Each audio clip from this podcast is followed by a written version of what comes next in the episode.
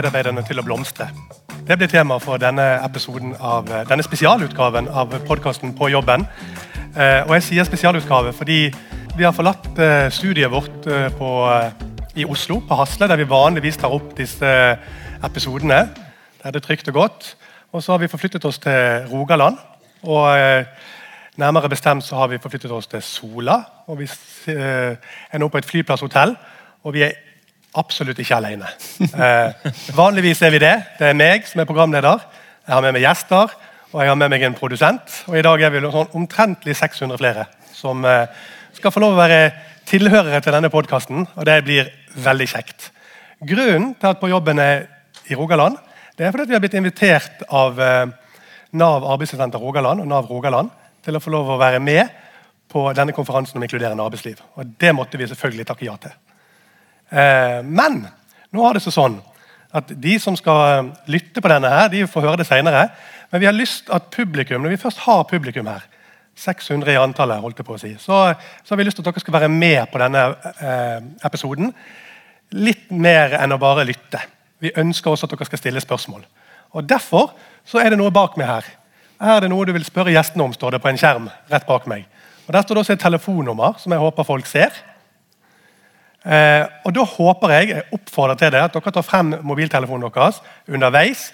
Hvis det er noe dere har lyst til å spørre gjestene, de skal jeg introdusere etterpå, så sender dere en tekstmelding til det telefonnummeret. Da vil min produsent Eivind Kåsin, som sitter på første rad, han vil motta den tekstmeldingen. Han vil eh, sile det litt, og så vil han sende det til meg. Og så Når det er ti minutter igjen, så håper jeg eh, at jeg har noen spørsmål som jeg kan stille til gjestene mine som kommer fra salen. Det hadde vært kjekt. Så gjør det. Ja, eh, hvem er gjestene mine i dag, da? På min høyre side så står eh, professor ved Handelshøyskolen BI i Oslo. Anders Dysvik, velkommen. Tusen takk. Og så har jeg med meg på min venstre side en lokal eh, gutt. Eller mann, får jeg kanskje si. Du er vel ikke gutt? Ja, Vi kan gå for gutt. Du kan gå for gutt. Ja, Det høres greit ut. Ja, Gutt eller mann, du er begge deler. ja. Men du er i hvert fall, eh, det du er, det er at du er rektor ved Eiganes skole i Stavanger. Ja. Og du heter Colin Pritchard Davis. Ja, Du sa det veldig bra. Det... Takk skal du ha. Jeg har øvd. Ja, Veldig, veldig bra. Jeg sa innledningsvis at temaet er få, hvordan få medarbeiderne til å blomstre. Og eh, For å være helt ærlig, Anders, nå spør jeg deg først, så har jeg rappet den tittelen litt fra deg. Ja, det er helt i orden. Den var så herlig tabloid at jeg ønsket å, å ta den med meg. Bare hyggelig. Eh, men, men, det er et ganske stort spørsmål, så dette blir jo en episode som kommer til å snakke om de store linjene. Men det jeg har lyst til å spørre deg om, for du har jo allerede for et par timer siden så sto du på denne scenen her, snakket til denne forsamlingen.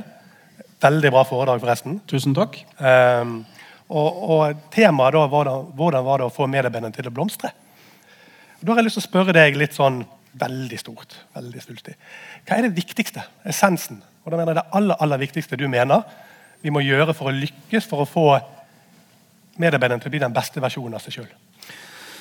Da kan jeg kanskje begynne litt, og så får vi litt støtte fra pedagogen på din venstre side også. Jeg tror at uh, de, eller jeg mener, får jeg si, uh, at de lederne som lykkes best med det, det er de som er i stand til å forstå hele mennesket som er på andre siden i møterelasjonen. Som er i stand til på en flott måte å praktisere det som pedagogikken anbefaler at vi skal gjøre, nemlig en individuell tilpasning av, av opplæringen.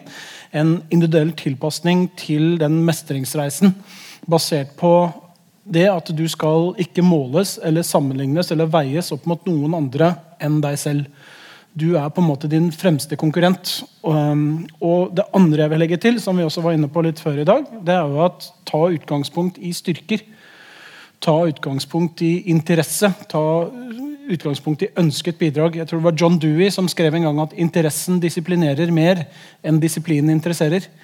Eh, og Kona mi, som jobber i PP-tjenesten i Røyken kommune, de jobber med ungdom som på en måte har begynt å gi opp og vurderer å bli framtidige kunder av dere i Nav.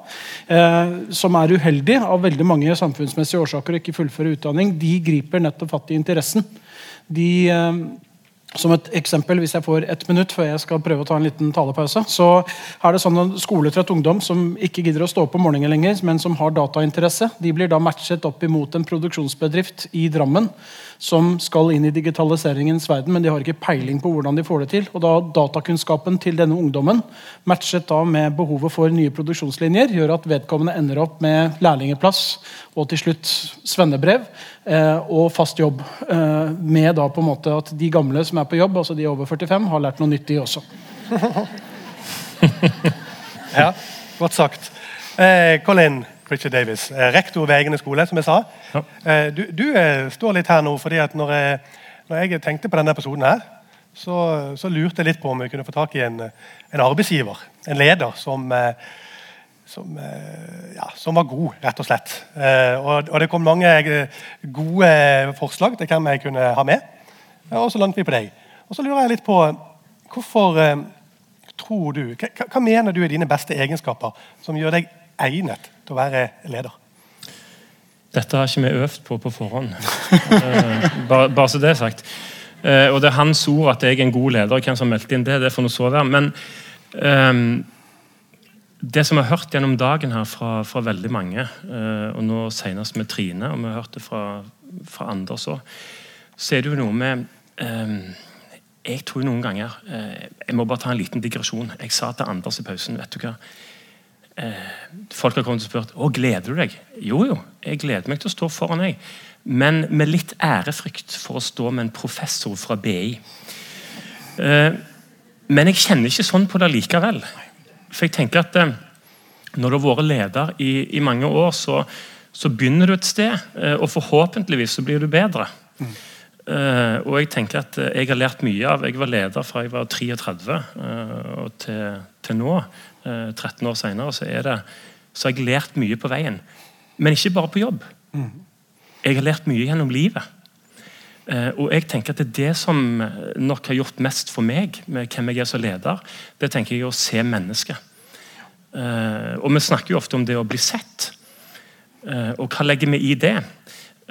Og I det så ligger det òg det som går på respekt, tenker jeg. altså alle disse Vi kan bruke de ordene, men hvis jeg skal ta det til meg sjøl, så tror jeg at jeg er ganske god på å være til stede. Mm. Og ikke bare sitte der, men jeg er faktisk i det. Og når noen kommer til meg, om de har um, problemer på privaten eller det er utfordringer på jobb, så hver så mangt, så lytter jeg. Eh, og jeg kommer ikke med en løsning med en gang, men jeg lytter. Og så tror jeg at jeg er flink på å finne løsningen sammen med de som jeg sitter der med. Um, det er et utgangspunkt. så kan si, Er det god ledelse? Ja, jeg tror at det er i hvert fall en del av det. Mm. Uh, og en god start. For uh, som du var inne på, Anders, så var det jo noe med det med, altså det, med det relasjonelle. Uh, det med tillit, det med trygghet. og jeg har jo et samarbeid med Nav. Um, og jeg syns Nav gjør en veldig veldig god jobb. Og jeg samarbeider med arbeidslivssentralen, holdt jeg på å si, altså, men arbeidslivscoach. Og det er noe med å treffe disse menneskene og gi dem en ny mulighet. Og det er jo det de gjerne er på jakt etter. Det er den tryggheten for dem. Ja, ja, ja og, og, så spør du nå jeg, jeg vet ikke om det er god ledelse, men det føler du er god ledelse. Men vi, vi sitter jo med professoren her. så Dette er det Colin prater om her nå. Er det god ledelse? Ja, Det stemmer veldig godt overens med ledelsesforskningen. Trine var jo inne på det tidligere også, at det er veldig vanskelig å definere hva god ledelse er. og så Jeg tillater meg å minne om Elliot Eisner, en pedagog som sier at det er vanskelig å definere en god rødvin. Men eh, når jeg nyter en god rødvin, så er jeg klar over der og da hva på en måte vinen består av. og Det er litt det samme med god ledelse også. Det er vanskelig å fange det ved språket, for det er ikke rikt nok. Men det er noe med å oppleve det i praksis. Så Hvis jeg får lov til å bare gi to eksempler fra Vinmonopolets uh, verden. Kai Henriksen, ja. Kai Henriksen, nå dessverre avdød uh, leder i, i Vinmonopolet, som forlot oss altfor tidlig. Han hadde faste dager i sin ledergjerning der han var ute i primærfunksjon i butikk. Han jobbet på lageret. Han gikk rundt og prøvde å rådgi etter beste evne. og Han satt i, i kassen. Onde tunger internt i Vinmonopolet omtalte de dagene som taxfree-dager, for han gjorde en del feil. Um, men, var da inne på at du, du kan ikke lede noen hvis du på en måte ikke vet hvordan det er å sitte i primærfunksjon og møte kunden. Og Den andre jeg har lyst til å nevne er jo en person som Per Bleikelia, som sikkert noen har enten hørt om eller møtt. Fantastisk leder. Eh, som nå er ved Martine Hansen. og Det han beskriver som avgjørende for hans ledergjerning som leder for et sykehus, var den perioden han ble syk selv. Mm. Når han ble pasient innlagt på sykehus, og han ble plutselig bruker av de tjenestene som han selv var ansvarlig å tilby. Eh, sånn at Det gjorde noe med hans orientering rundt brukerfokus, rundt hvem er vi til for og hvorfor. Jeg vil anta at det er mange her med gode erfaringer som vet betydningen av å bygge tillit med bruker. Eller med menneske, som noen liker å kalle det, og ikke bruker. Så absolutt, Colin er inne på veldig mye fornuftig. Pluss at han heier på riktig lag. det må vi også nevne. Ja. ja. Nå har det sånn at det står tre Liverpool-supportere ja, her. Så, så vi har funnet hverandre. Ja. Men, men du, du, nevner et ord her som jeg, har tenkt å bruke litt tid på i denne podkasten. Og det er tillit. Og nå har vi hørt andre snakke om tillit, mm. men det, det, det, blir gjentatt. Og det kommer om igjen og om igjen. om igjen. Og så må jeg innrømme, men eh, nå er nå jeg bare en, en enkel mann fra Bergen. Men når jeg hører det, så er jeg litt mer usikker på hvordan man faktisk skaper det. Hvordan man faktisk gir tillit. Mm. Så Hvis jeg hadde blitt ansatt som leder i morgen uh, på en eller annen bedrift, for 30-40 ansatte som jeg skulle følge opp, og så hadde jeg tenkt at ja, Anders Dysvik han sier at gi de tillit, så går det, det bra. Mm. Uh, jeg hadde slitt med å vite hvor jeg skulle begynne. Mm. Så hvordan skaper man god tillit? Det er egentlig et spørsmål som går til begge. Det er et godt spørsmål. Um jeg tror jo egentlig det kommer, altså Hvis du ser det fra et lederståsted, så tror jeg det handler om å ha en trygghet i seg sjøl. Mm. Um, og Hvis jeg da går 13 år tilbake, så hadde jeg ikke den samme tryggheten som jeg har nå. Um, og nå tenker jeg egentlig sånn Bring it on. Uh, altså Kom med det. Hvis det er noe nei, men hvis det er et eller annet som noen har noe å kritisere eller komme med, så sier jeg bare 'kom med det'. Og Jeg våkner ikke, våkner ikke i løpet av natten eller våkner på morgenen og tenker at det, 'Å, tenk om det kommer noe i dag'. Det tar jeg med knusende ro. Mm. Og Det tror jeg gjør at det, de tenker at han vet hva han holder på med. Og at han har en ro. Um, så jeg, tror litt av det ligger der. Og det å møte menneskene gir jo òg tillit. Altså det der, men respekt inni det med tillit. da. Uh, og det er faktisk å være helt ærlig med folk. Mm. Altfor mange snakker um, så rundt, og, og det er så ubehagelig. Så det er så vanskelig å ta opp ting. Men uh, jeg har erfaring med at hvis du tar en samtale Jeg har, altså, kan gi et helt konkret eksempel.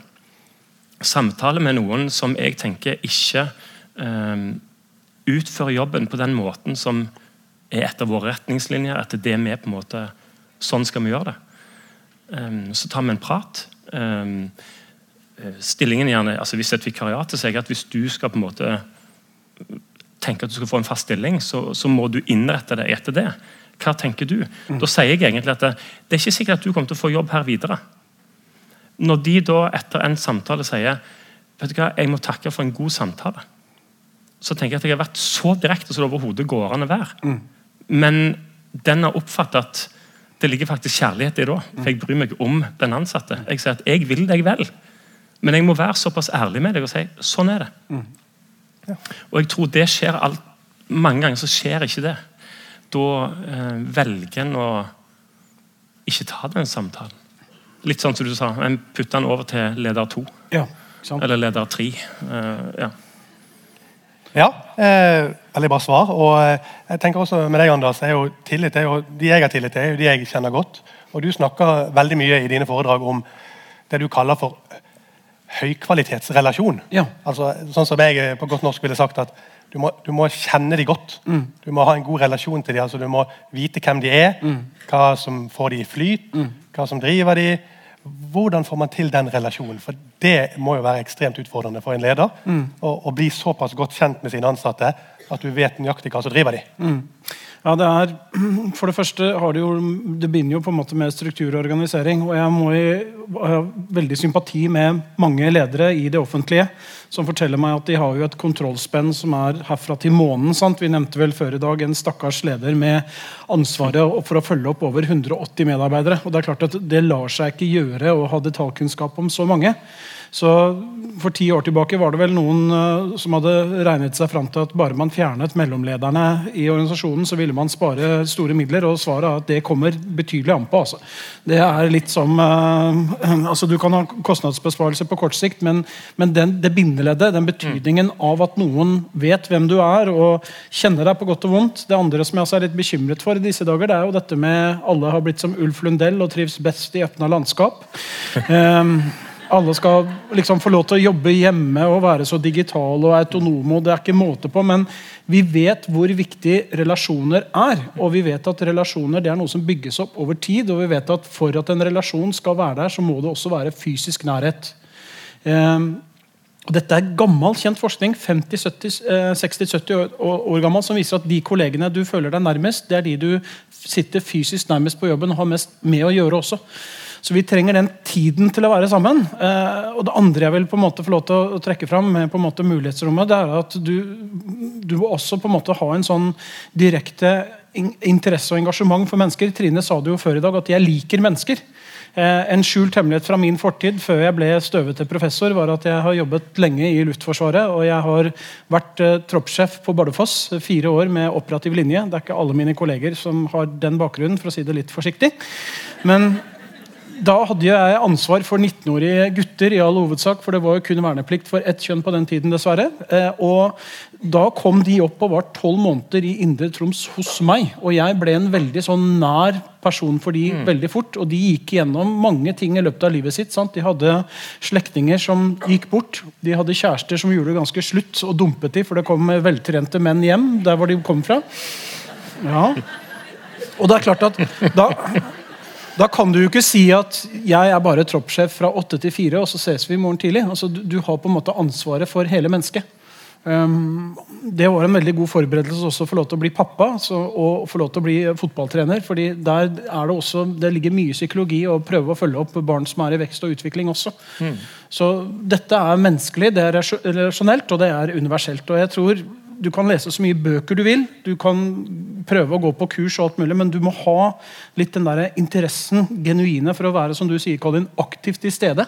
Mhm. Jeg er her nå, jeg lytter. Eh, og jeg har også lært gradvis gjennom PPT at eh, på en måte det eh, Av og til så trenger man ikke få råd. Det, det, den lærte jeg da jeg var 40. Så jeg kunne faktisk sitte rolig og lytte og si at jeg skjønner veldig godt hva du sier. jeg vil bare lytte. Mm. Ja, Veldig bra. Og, og, de egenskapene, tenker jeg, jeg det et par podkastepisoder siden så hadde jeg besøk av eh, en eh, generalsekretær for Redd Barna, Birgitte Lange. og Hun fortalte meg hele tiden at hun sa en ting som jeg på en måte har bitt meg litt merke til og satt seg i sinnet mitt. Og det er at i utgangspunktet For å være en god leder og for å få det beste ut av sine ansatte, så må du ha kjærlighet til mennesker. sa hun. Mm. Ja, det, er liksom sånn, det, er litt vakkert sagt, kanskje litt svulstig, ja. men, men, det er vel litt rett? ikke det? Mm.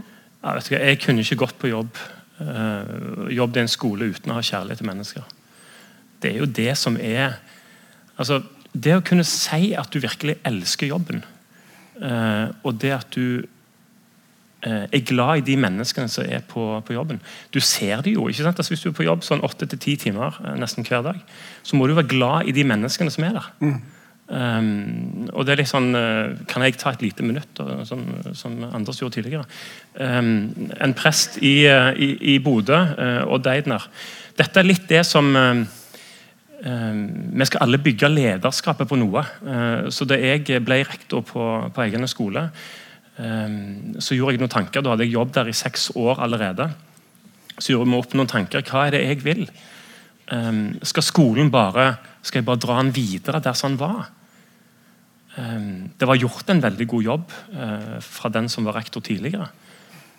Men jeg tenkte at jeg vil gjøre noen endringer som jeg har tro på som, som menneske. Mm. Og Da traff jeg på han Odd Eidner eh, på Tranøy eh, i Nordland, på Hamarøy. Eh, på et foredrag som handla om vitaminer i hverdagen. Kort fortalt, han snakket om Ole Brumm. Med honningkrukka si. Eh, som sitter og spiser honning. Og det er det beste han vet i hele verden. På alle dokumentene og på egne skoler så er Ole Brumm. Eh, for det det handler om egentlig inni, det er ikke honningen. Selv om jeg spiser honning hver dag på Skjeve, og de ansatte de ler av meg for det. Men, men det er noe med den der, det gode møtet. Det er det han snakker om. Mm. Eh, at du kommer på, på, jobb og skal skape det gode møtet. Og det gode, trygge stedet for 500 elever. Mm. For 100 ansatte. For 800-900 foreldre. Det er det det handler om. Mm. Det er kjærlighet. Sånn at det, det tar jeg på fulle ramme alvor. Mm. Eh, og jeg sier sjelden at, og det var godt å høre fra Stami, at de sier at det, forskning sier at Jeg bruker sjelden den, jeg. Ja. Ja. Ja. Jeg leser forskning, men jeg bruker den ikke på å si det ut sånn. Da tenker jeg eh, jeg er en enkel mann med en enkel filosofi som tror på mennesket. Det er vakkert. Jeg fortjener applaus. Eh, veldig bra. Det er nesten så får en liten tåre i øyet på å høre på deg. Så så får jeg drikke litt vann og så tar vi sammen. Men det er jo uh, Vi snakker veldig mye om lederne. Lederne skal ordne, lederne skal tilrettelegge, lederne må se, lederne må lytte, lederne må gjøre ditt og datt. Og de som har vært ledere, det har ikke jeg, men jeg vet at de har føringer ovenifra. De skal løpe i det møtet, de har administrative oppgaver.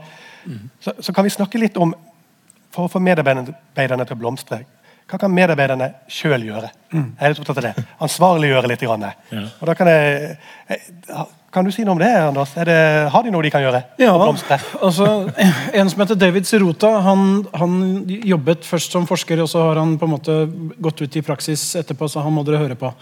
Men det han sier er at ledere bør ikke være så veldig opptatt av hva man kan gjøre hele tiden for å motivere de ansatte. fordi veldig mange av de ansatte, så fremt man har rekruttert litt systematisk og truffet med interesse og behov og kompetanse, så er de ganske motivert for å jobbe. Men tenk litt nøye gjennom hva dere kan gjøre for å unngå å demotivere dem.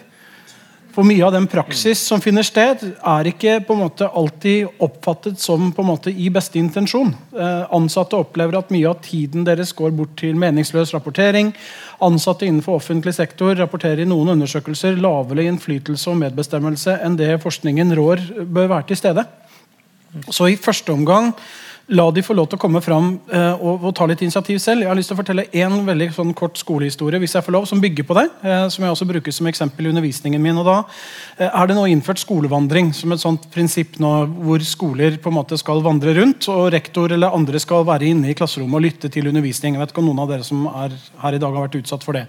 Men det er da faktisk sånn at mange lærere har jobbet det noen kaller litt med sånn ond tunge privatpraktiserende i mange år. altså De ble rekruttert med svart belte i PED og sånn, fordi de hadde fullført lærerskolen. Får nøkkel i, eh, til klasserommet i hånden av rektor og sier dette kan jo du siden du er lærer. Vi ses til AFP. Um, ehm, og så da 32 år etterpå så åpner døra med et helvetes brak, unnskyld uttrykket, og inn kommer det videokameraer og lister fra New Zealand og ting som må være på plass for at det skal være en god time. Og de setter i gang eh, med sånn Marimekko. Nei, Martimeo kalles det. når de driver um, og det er klart at En klok rektor da ville operert som en rektor i Asker som jeg møtte. Og det han gjorde var at Første gangen han kom inn i klasserommet, og, og lærerne satt med armene i kors og så litt sånn avventende ut til dette regimet, så satte han seg ned og sa han bare at jeg er bare her i dag for å se pedagogikk på sitt beste. Det går rykter om deg helt til Bærum om på en måte din undervisningspraksis. og at på en måte dette er virkelig, Jeg gleder meg til å se pedagogikk på sitt beste. Sitter og lytter da på en måte til timen går bare og gir spesifikk, positiv, anerkjennende tilbakemelding til denne læreren. Og vedkommendes reaksjon er at hun begynner å gråte i klasserommet etter at elevene har gått ut. For hun har jobbet på skolen i 32 år. Ingen har noensinne vært til stede i timen. Og hun var spent og nervøs, men nå er hun bare utrolig takknemlig. Og Han gjentar den øvelsen en gang til, hvor han bare gir ros. Og han gjentar det en tredje gang. Og Da sier læreren noe sånt som at jeg var litt sånn skeptisk når du kom inn her i starten med hva dette skulle være for noe, men nå er jeg bare så glad for at ref tillit, nå har vi på en måte at tillitsrommet mellom oss er bygget opp. Men jeg lurte på en ting, sier læreren. Så du noe jeg kan bli bedre på? Og som rektor sa, det var da egentlig skolevandringen begynte. For da hadde man på en måte beredet grunnen, og vedkommende selv kunne ta initiativet. Ja. Det som Kristine Borvik kaller 'alene hjemme'. Altså Vi er hjemme alene, vi må ta initiativet her. Mm. Ja. Så bra. God, god historie, det, altså. Takk. Eh, mm. Colin. Eh, før denne episoden her så gjør jeg alltid litt research, som man uh, må gjøre. Ja. Eh, så jeg tok en telefon til uh, en som, uh, som, sikkert de aller fleste i salen har hørt om. Han var en leder han er, han, er, vel anerkjent som en lederlegende. trente Rosenborg på 90-tallet. Heter Nils Arne Eggen. Og jeg tenkte, Nå skal jeg ringe han og så skal jeg stille han dette spørsmålet som denne episoden handler om. Hvordan få medarbeiderne til å blomstre. Og Det var jo en opplevelse i seg sjøl, for han brukte vel to minutter på å kjefte på meg først. Fordi jeg snakket utydelig og var fra Bergen. Jeg følte det var det som var... Ja. Men når vi, men når vi kom til kjernen, og jeg spurte ham hvordan få medarbeiderne til å blomstre, så sier han noe sånt som Nå skal jeg prøve å snakke litt trøndersk. jeg er ikke god på det. Blomst? Det er vel bare blomster som blomster, sa han. Mennesker de kan ikke blomstre, sa han. Men de kan være gode. Og så sa han da at for et, og, da, og da er han tilbake inn på postulatene til Nils Arne Eggen. Han sier det er viktig å være god, men det viktigste er å gjøre andre gode. For da blir du god. Er, er det sånn du tenker også på Eggene skole? Eh, Jeg skulle jo tro nesten, nesten dette var tilfeldig. altså Tre Liverpool-fans, eh, og så alle interessert i fotball. Um, og jeg tenker jo um, Nesten litt morsomt at du spør om og så ta utgangspunkt i Nils Arne Eggen. Det er jo Bibelen. Um, altså Nils Arneggen og Godfoten, som kom vel på slutten av 90-tallet. Altså, en fantastisk bok. Så til alle dere som ikke er interessert i fotball, men er interessert i ledelse, les den. Eh, det er jo det det handler om. Komplementære ferdigheter. Det at Du som høyrebekk må jo vite hva midtbanen holder på med. Hvor skal løpet gå? For hvor, skal, hvor har jeg muligheten til å slå ballen? Det er jo det det handler om. Og det å tørre. Og Da vil jeg ta en liten historie. Eh, Det gjelder dat- dattera. Jeg ser ikke hvor hun sitter, skal ikke si navnet til henne, men det er ei som sitter i salen her nå. skal si noe om dattera hennes. Dattera heter Karina. Jeg trente et jentelag. Dette er Nils Arne Eggens ånd. Det handler om å gjøre hverandre gode, og det handler om at vi skal utvikle spillet. Karina spiller midtstopper. Dette er Vaulen vårcup. i ti år. Det er alvorlig. Ja. Jeg er trener. Det vi har trent på, er vi må tørre. Så selv om, Hvis du får ballen, så må du ikke sparke den. Det er det eneste gangen du kommer til å høre at nei. Det er hvis dere bare dryler ballen langt av gårde. Karina får ballen. Det er en motspiller helt tett oppi. Karina gjør akkurat det hun skal gjøre. Prøver ikke å dryle ballen, men hun prøver å bare ta ballen med seg for å spille den videre. Mister ballen, den andre tar ballen, skårer. Hva gjør jeg som trener da? Det er dette ledelse handler om. Jeg applauderer, og så sier jeg Karina, fantastisk, gjør det en gang til. Karina gjorde det en gang til. Neste gang fikk hun det til. Og hun er en skikkelig god uh, spiller. Og laget utvikler seg da. Men hvor mange lag har vi ikke sett hvert fall vi som har litt peiling på fotball, som står og ser på fotball, og foreldrene står 'glimrende', og så klapper de når de bare dryler ballen. Og jeg tenker nei, nei, nei, nei. nei. Det er alt annet enn utvikling. Du må tørre, du må våge å mislykkes for å lykkes. Så Nils Arne Eggen, ja. Nils Arne Eggen. Han har vi eh, virkelig tro på. han- Og offensiv fotball. Gå i angrep og kjøre på. Tap litt i Europa, men vi skaper fest. Ja. Det er ja. Veldig bra. Jeg, jeg sikter litt på klokken, og jeg må huske at jeg har lovt publikum å, å stille de spørsmål. Men eh, vi, vi drøyer det litt. Eh, jeg har lyst til å spørre deg, Anders, om, eh, om eh, du, du snakker mye også om anerkjennelse. Å anerkjenne medarbeiderne. Og da har jeg lyst til å snakke litt om tilbakemeldinger. for det er en sånn, er en sånn gjentagende greie som jeg føler. Uh, man har vært mye ute i bedrifter, så snakker man at det er kanskje litt mangelvare mange steder. Det, det er min påstand. Eh, og jeg, jeg syns det er litt rart med tanke på at det i utgangspunktet er noe av det enkleste man kan få til. Ja. Det å gi en tilbakemelding. Ja. Jeg kan skryte av ditt foredraget, jeg kan si du har en fin dress på deg i dag. Men, men vi gjør det kanskje litt for lite på arbeidsplassen. Men den type anerkjennelse betyr vel ekstremt mye. Ja, den gjør det. Hva betyr den? Eh, nei, Den skal, virker som en veldig viktig kilde til mange ting. Bl.a. stolthet og tilhørighet til egen jobb og, og til engasjement for jobben, eller indre motivasjon, som vi kaller det. Eh, og Spesifikke eh, tilbakemeldinger har jo også den funksjonen i og med at banken fortsatt er her, at de er jo gratis i utgangspunktet. Eh, Nonverbal belønning, som vi kaller det så fint, eh, koster ikke noe. Men det jeg tror forklaringen er, er at eh, det blir ofte dessverre en salderingspost i en hektisk hverdag. Vi snakket om det før i dag, at man opplever nesten som leder at du står foran liksom en sånn enten fossende kran eller masse tennisballer som kommer deisende mot deg, som du må prøve å dunke unna. Så rådet jeg har, eh, er at dere er flinke til å rett og slett sette av og skjerme tid. At dere bestemmer dere for hypotetisk eksempel, man har 20 medarbeidere. Da skal du ha som ambisjon om at du skal ha et kvarters hyggelig kaffemøte med de 20 minimum to ganger i måneden. Kaffe drikker man uansett. Oppsøk vedkommende, ta en kaffekopp. Vær litt spesifikk. Hør litt åssen det går. Vær litt til stede, som Colin er inne på. Og vet du at vedkommende har gjort noe som er bra, så fokuser overveiende på bidrag og konsekvensen av eget bidrag som er bra.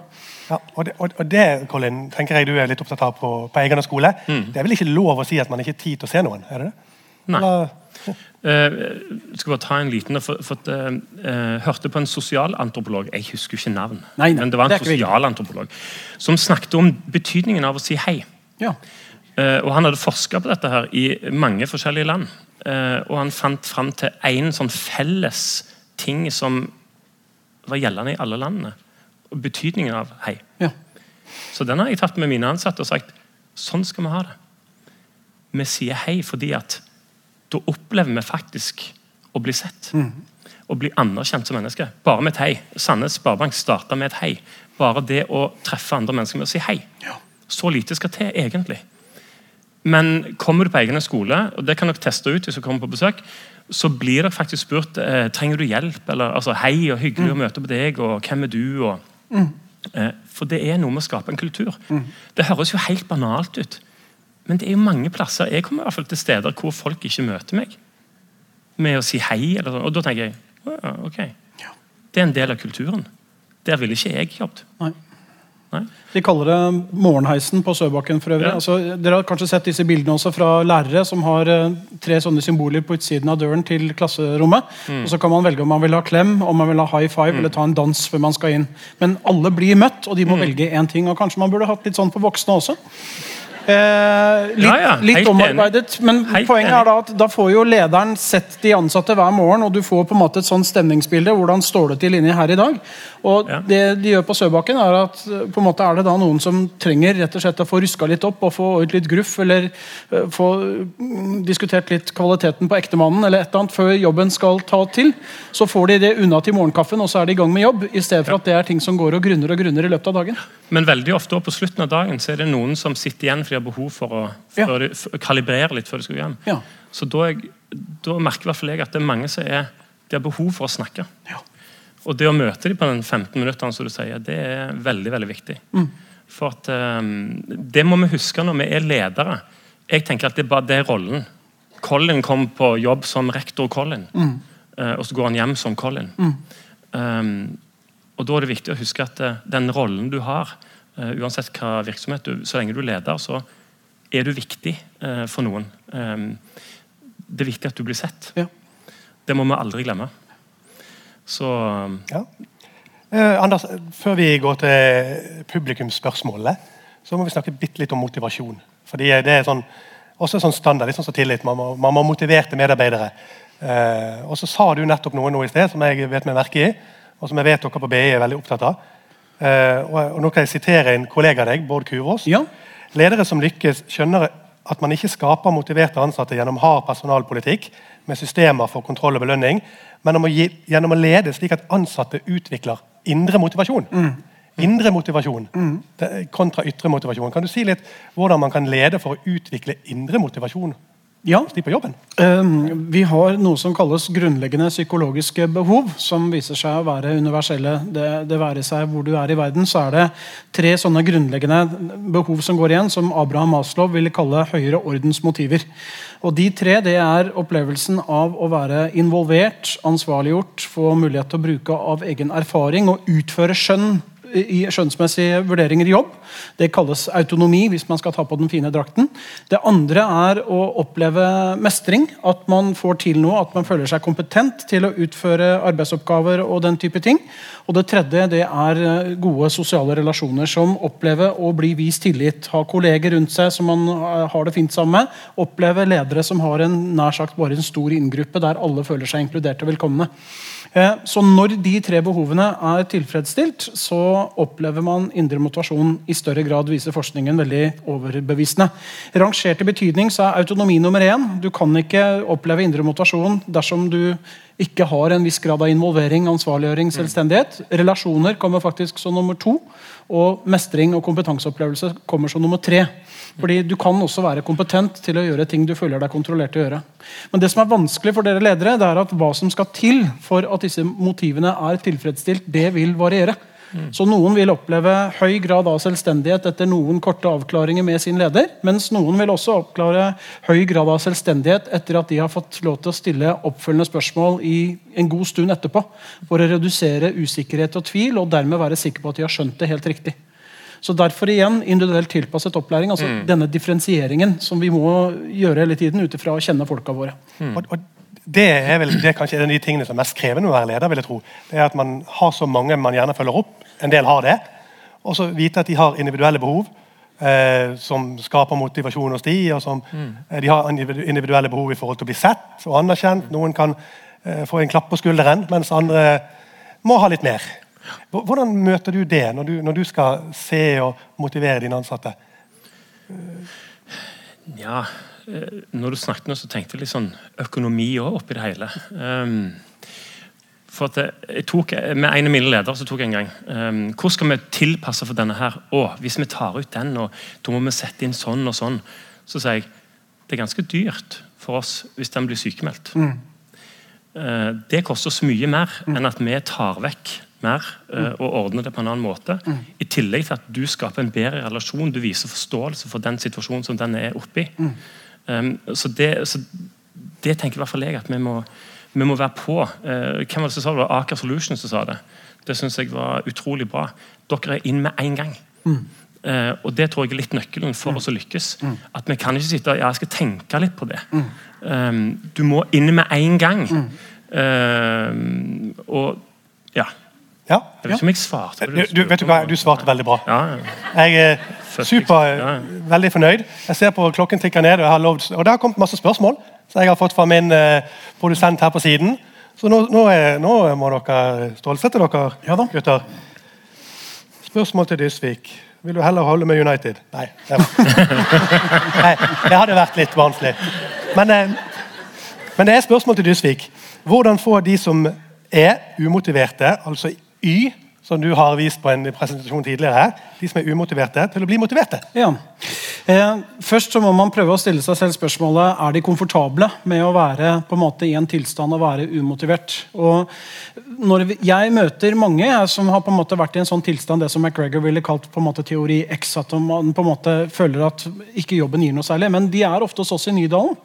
Og de går etter- og videreutdanning. og det de gjerne sier er at Jeg var i ferd med å bli en person på jobb jeg ikke var komfortabel med. Jeg måtte finne på noe annet. Derfor er jeg her.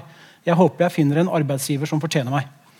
Sånn at Et eller annet sted der inne, i den som angivelig på en måte har mistet gnisten, så er det en person som ønsker å komme med et bidrag. og Da kan det være at det er noe med nåværende mestringsopplevelser innenfor stilling. Mm. Det kan også være at vedkommende kan få arbeidsoppgaver, ikke som en sånn på en måte dugnad at man flyttes rundt meningsløst, men at man får lov til å jobbe med ting som faktisk trigger denne interessen som vi snakket om. Så prøv den utviklingsreisen først. Hvis det da er sånn at man ikke kommer noe vei der, så er rådet å begynne en prosess som fører til at man avvikler det arbeidsforholdet på en verdig måte. Mm. Det er mye bedre å gjøre det enn at man på en måte sparer opp en sånn senior prosjektlederstilling og så setter man på loftet og venter på AFP. Tenker jeg. Det er, ikke lett, det er ikke lett å stå i det. Jeg har All sympati for ledere som er i på en måte, de prosessene, men det er også en viktig del av lederskapet. Å ta ansvar, fordi det er en uverdig måte å la mennesker råtne på rot. Hvis det er tilsynelatende det som skjer. Ja. Eh, nytt spørsmål fra salen. da. Veldig bra. Jeg håper de fikk svar. Det tror jeg de gjorde. Eh, ja, nå kan dere begge svare på dette. for den saks skyld. Å delegere ansvarsfulle oppgaver til de ansatte det er god ledelse. noen som mener. Mm. Det får de ansatte til å blomstre. De lurer på om dere er enig i det? Skal jeg prøve meg, og så tar du fasiten etterpå? Ja. Um, det var litt av det jeg snakket om i begynnelsen, det med trygghet på deg sjøl som leder. Mm. Uh, for Det kjente i hvert fall jeg på til å begynne med, at jeg måtte ha kontroll på alt. Uh, og, og, da denne evnen til å delegere. Mm. Um, og Noen grep som vi har gjort på skolen, altså på egen skole, det at eh, det så, Når vi har pedagogiske utviklingsarbeid, altså fellestiden for lærerne, eh, så har vi i større og større grad delegert det ut til lærerne sjøl, hvor kompetansen sitter. Jeg er ikke O, den uh, allvitende uh, på toppen. Jeg tenker at det er andre som har mye mer kompetanse på fagfeltet, de ulike fagfeltene enn jeg har. Og da bruker vi den. Og Det går jo på å få til en delekultur. Og Det går på samarbeid. så du snakker om det å knytte relasjoner. Og så må du være flink på å fordele det ut, at det ikke bare blir én eller to personer som de som hele tida er framme. Men at du får folk til å Det å få dem til å blomstre. Å få dem til å skinne. Og få de fram i lyset. Det kan være de som har vært der i fem-ti år, som aldri har vært framme, men så ser du ah, dette kan de. De må vi få fram. Så jeg tror Det handler om egen trygghet. det å tørre å delegere ut. Og så er det noen ting som jeg tenker at det, det vil jeg ikke dele ut. Uh, jeg er med på alle intervju. Det skaper relasjon. Mm. Og Da blir jeg kjent med alle ansatte med en gang før de har begynt. Mm. Det er, veldig, det er krevende, det tar mye tid, men det har jeg valgt å gjøre. Mm. Ja, jeg bare slutter meg til det du sier fullstendig. og så legge til at Mange av dere bruker jo T-faktor eller andre sånne medarbeiderundersøkelser til å kartlegge prosesser. Dere trenger ikke nødvendigvis det verktøyet for å finne ut hvor skoen trykker. eller hva som ikke fungerer, for det ser dere per i dag. Der er det turnover, der er det frustrasjon, kanskje det er sykemeldinger og høyt fravær. Let heller etter enheter og avdelinger som leverer gode resultater. Som har høy grad av stolthet, som opplever støtte, der ting går bra. For det er ikke alle lederne der som nødvendigvis scorer like høyt på utadvendthet og narsissisme. Sånn at de er ikke alltid like flinke til å fremheve seg selv, men de jobber veldig godt. Løft de fram og få de på en måte til å være litt prosesseiere. Og Det aller viktigste som ansatte ønsker seg, det er jo bl.a. ledere som er så trygge på seg selv som Colin fremstår her, at de ikke ser kompetente medarbeidere som en trussel. At de ser det mer som en styrke og sier at litt av grunnen til at du er hos meg, er at du er enten bedre enn meg på dette, eller du skal bli det. Og Det er min jobb å legge forholdene til rette for det. Og Jeg er stolt av deg framfor mer at du truer mitt selvbilde. Ja. Og Når jeg snakker om meg som leder, så er det ikke meg som leder, da snakker jeg om oss som lederteam på ja. skolen. For Det er jo viktig å presisere, for at vi har ulike uh, ferdigheter. Uh, og jeg har de nærmeste i ledergruppa mi uh, fantastiske ledere som kan mye som jeg ikke kan. Eh, og da må jeg bruke det. Så ikke lat som at du kan ting du ikke kan. Det er ikke bra. Nei. Nei. Det er ikke lurt i lengden, i hvert fall. Nei. Bra. Gode svar eh, til publikums dine spørsmål. Jeg har flere. Eh, jeg tror vi har tid. Det blinker litt her. Ja, vi har tid. Eh, det er mange gode ledere. Men så er det noen som ikke er fullt så gode. Mm. Hva kan vanlige ansatte gjøre dersom ledelsen ikke fungerer? Mm. Da tenker jeg å bruke det er det flere som har nevnt nå her i dag, det, det med tillitsvalgtapparatet. Mm. Det å bruke eh, i verste tilfelle altså, gå videre altså ut eh, i kommunal sektor, da, så gå til fagstab, altså HR, eh, og ta den veien der. Ehm, men jeg har jo tiltro til at systemet skal fungere på den måten at eh, vi må jo være lydhøre som ledere. For hvis det er noe som ikke fungerer, hvis det er mm. noen som har problemer med oss, mm. så må vi koble på noen eksterne parter som kan være objektive. Uh, uh, i forhold til det. Men tillitsvalgte, verneombud, at vi bruker det aktivt. Og ikke bare sier at det er noe som er fint på papiret, men at vi aktivt bruker det. Mm. Og også før, hvis, før, det steget må tas i bruk. Jeg er helt enig. Altså, hvis det nå er ledere som er skal vi kalle det litt ubevisst inkompetente, sånn at de har forbedringspotensial, eh, men de er kanskje ikke like klar over det selv, og mm. man enser at dette er en person det er ok å si fra til og ta opp med, mm. og komme som ansatt med et initiativ Jeg ønsker å på en måte forbedre relasjonen mellom oss to. Eh, og prøve å ta litt på en måte den styrkebaserte tilnærmingen som vi jo anbefaler andre veien også. Så kan det første fase være å bevisstgjøre lederen lederen at det er ønskelig fra de ansatte med mer av dette og mindre av dette. Mm. Eh, flere ledere som faktisk bruker det aktivt i sine samtaler med de ansatte, hvor de etterspør hva de, har på en måte, hva de ansatte har gjort. Hva har du gjort for å på en måte gi meg tilbakemeldinger, for å prøve å spille meg god, som Nils Arne Eggen ville skrevet, eh, i stedet for at man da ikke har dette på en måte relasjonelle etablert. Så prøv kanskje i første rekke også å ta det opp. Kommunikasjon og prate sammen er ganske lurt. Det er det helt sikkert forsket mye på. Um, og så Hvis man da prøver det, og man på en måte blir møtt med litt sånn Berlinmuren 1984, og du begynner å, å tære på en selv, da kobler vi inn det heldigvis sterke arbeidervernet vi har i Norge. Det er veldig lite forekomst av sånn bøllete ledelse i Norge, og en av forklaringene på det er nok at vi har et veldig sterkt beskyttelsesvern for arbeidstakere, som er bra. Ja. Jeg, jeg tror det må bli siste ord, Anders. Det, det du kommer med der. Vår tilmålte tid er veldig snart ute. Tusen takk, eh, Anders Dysvik, for at du var med i podkasten. Takk for at jeg fikk komme. Og takk til deg, Colin Pritchard Davis, for at du var med. Bare hyggelig. Og tusen takk til publikum som var med på denne episoden. Tusen takk for at vi fikk være her. På jobben er tilbake om noen uker. Vi høres.